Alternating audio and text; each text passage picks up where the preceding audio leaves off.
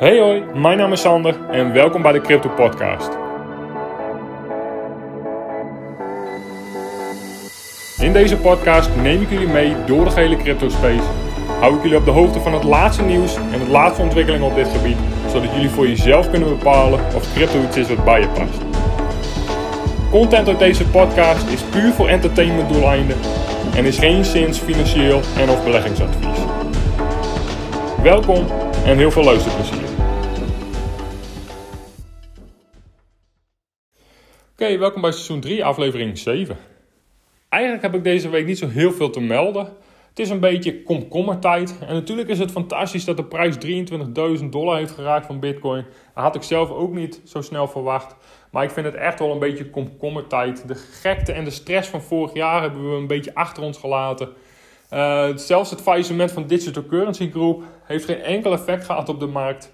Was eigenlijk al in de prijs ingebakken. En je ziet dus dat de markt al rekening gehouden heeft met dat faillissement. En dat het dus al in de prijs staat verwerkt. Wel interessant om te zien trouwens dat het totaal geen invloed meer had op de cryptomarkt in zijn algemeenheid. Um, ik kreeg nog wel een aantal vragen over Digital Currency Group met betrekking tot Bitfavo. Uh, wat voor invloed gaat dat hebben op Bitfavo, et cetera, et cetera, et cetera. Nou, jullie weten eigenlijk het antwoord al als je een tijdje mijn podcast gevolgd hebt.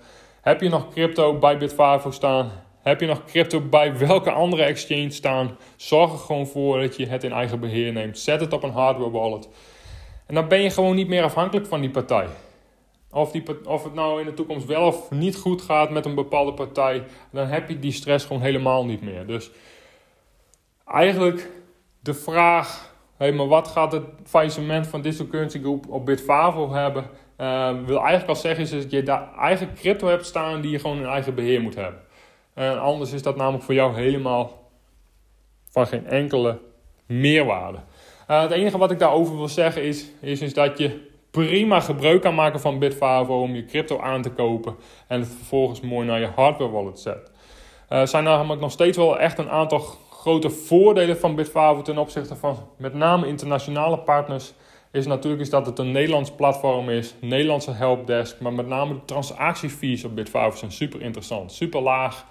Uh, dus je kunt Bitfavo prima gebruiken om je crypto aan te kopen en vervolgens naar je hardware wallet te zetten. Um, is daarin het belangrijkste wat ik je kan meegeven. Het enige interessante in wat ik daaruit vond, is wat ik net al aangaf, is dat eigenlijk de, eigenlijk de aankondiging van het faillissement van Digital Currency Group geen enkele invloed had op de prijs van crypto in zijn algemeenheid. Um, komend jaar wordt gewoon echt een super relaxed jaar, super fijn jaar om lekker je plan uit te voeren, lekker de dollar cost average over tijd in projecten met langere termijn potentie die jij kent, die jij goed onderzocht hebt, waar jij vertrouwen in hebt. Uh, te groeien als investeerder, te leren over crypto. En eigenlijk om jezelf in een hele mooie positie te brengen voor de volgende boelmarkt. En ik heb in mijn vorige aflevering al gezegd, ik verwacht die eigenlijk dat we echt daarmee gaan beginnen rond de volgende Bitcoin halving in Q1, Q2 van 2024. En dat de piek van de volgende boelmarkt, als je kijkt naar de vorige marktcyclus, waarschijnlijk eind 24, begin 2025 gaat zijn. En dat is natuurlijk allemaal koffiedik kijken, dat is natuurlijk allemaal speculeren, dat weet ik wel. Maar uh, je moet ergens een beetje van uitgaan. En dan ja, is het best waar je op dit moment kan naar, uh, uh, naar kan kijken, is eigenlijk hoe de vorige cyclus zich hebben uitgespeeld. En dat wil niet zeggen is, is dat resultaten uit het verleden garantie geven voor de toekomst. Maar je zult ergens een beetje uh, handvatten moeten gaan creëren. Uh, om bepaalde analyses op te, op te kunnen doen. En niet dat dat dan direct een aanname is, maar gewoon puur op de informatie die je op een bepaald moment gepresenteerd krijgt, kunnen zeggen: hey, dan is dit een plausibel verhaal, dan zou dat kunnen, zou dit kunnen. En dat je met meerdere scenario's rekening houdt. Dus 2023 overal wordt gewoon een heel mooi, relaxed jaar, denk ik. Uh, kabbelen we lekker een beetje door tussen bepaalde prijslevels. Ik denk dat we ook nog wel heel veel zijwaartse prijsactie gaan zien. Uh, maar nogmaals, om mooie plannen uit te voeren, posities te accumuleren en jezelf in positie te brengen voor de volgende boelmarkt. En misschien wat 2023 uh, ook al wel heel erg interessant om na te denken uh, wat je dan gaat doen in de volgende boelmarkt. Zeker als het gaat over winst pakken. Interessant om daar alles over na te denken, om eens even bij stil te staan in ieder geval alvast. En natuurlijk kun je zeggen, hey Sander, maar je hebt het altijd over de langere termijn. En posities die je inneemt zijn voor 5 tot 10 jaar. Uh, dat snap ik en dat, dat kan ook echt je strategie zijn. Maar wat doe je als bijvoorbeeld wat kleinere altcoins, de, waarvan de prijs vertienvoudigd is, of misschien vertwintigvoudigd of verdertigvoudigd, is het misschien toch wel handig om winst te nemen, daar kapitaal uit te trekken. Eén, zodat je jezelf ook uitbetaalt. Twee, zodat je kapitaal aan de sideline hebt staan die je later weer kan herinvesteren. Later weer kan investeren in projecten die dan heel veel langere termijn potentie hebben of krijgen. Uh, misschien daar iets van te doen in je dagelijks leven, ook heel erg belangrijk. Uh, dus ik denk dat het wel in het algemeen gewoon ook belangrijk gaat worden om al, toch alweer, ook alweer een beetje vooruit te kijken. Investeren is toch vooruit kijken.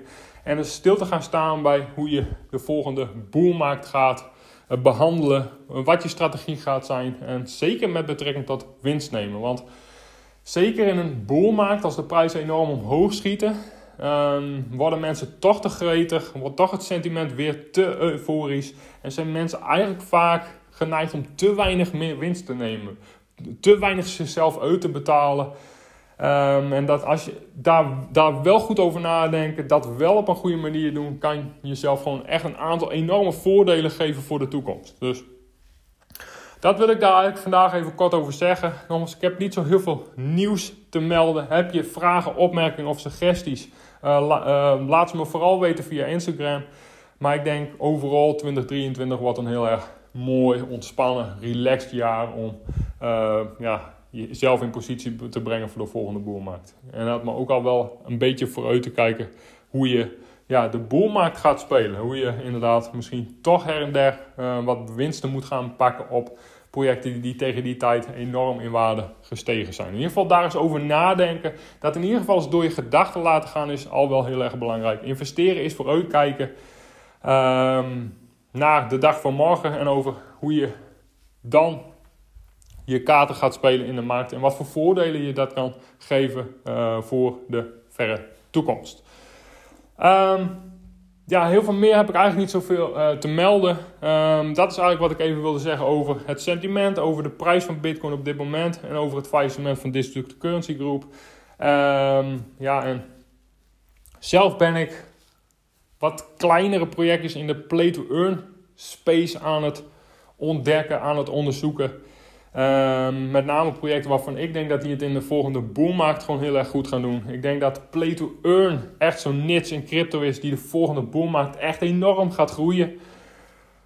Zeker als je kijkt naar hoe groot de reguliere gaming-industrie is, uh, zit daarin play to earn, blockchain gaming, heel veel potentie, heel veel groeipotentie in ieder geval. En zijn er echt enorme pareltjes die enorm interessant kunnen zijn richting de volgende boelmarkt. Nou, dat is in ieder geval wat ik op dit moment doe. Uh, steken op dit moment, uh, lekker door blijven doen. Lekker passief inkomen genereren op bepaalde crypto-posities vind ik gewoon heel erg prettig.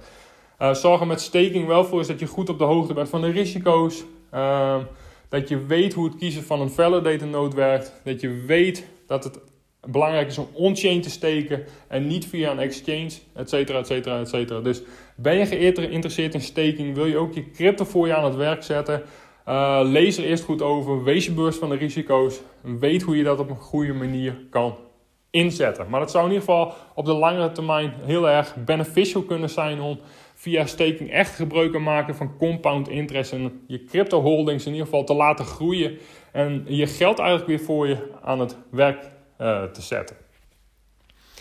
Um, dat voor deze aflevering. Weer bedankt voor het luisteren en tot de volgende keer. Dat was het weer voor vandaag. Heel erg bedankt voor het luisteren. Heb je vragen of suggesties? Stel ze op mijn Instagram, sandervrieswijk.nl. Tot de volgende keer.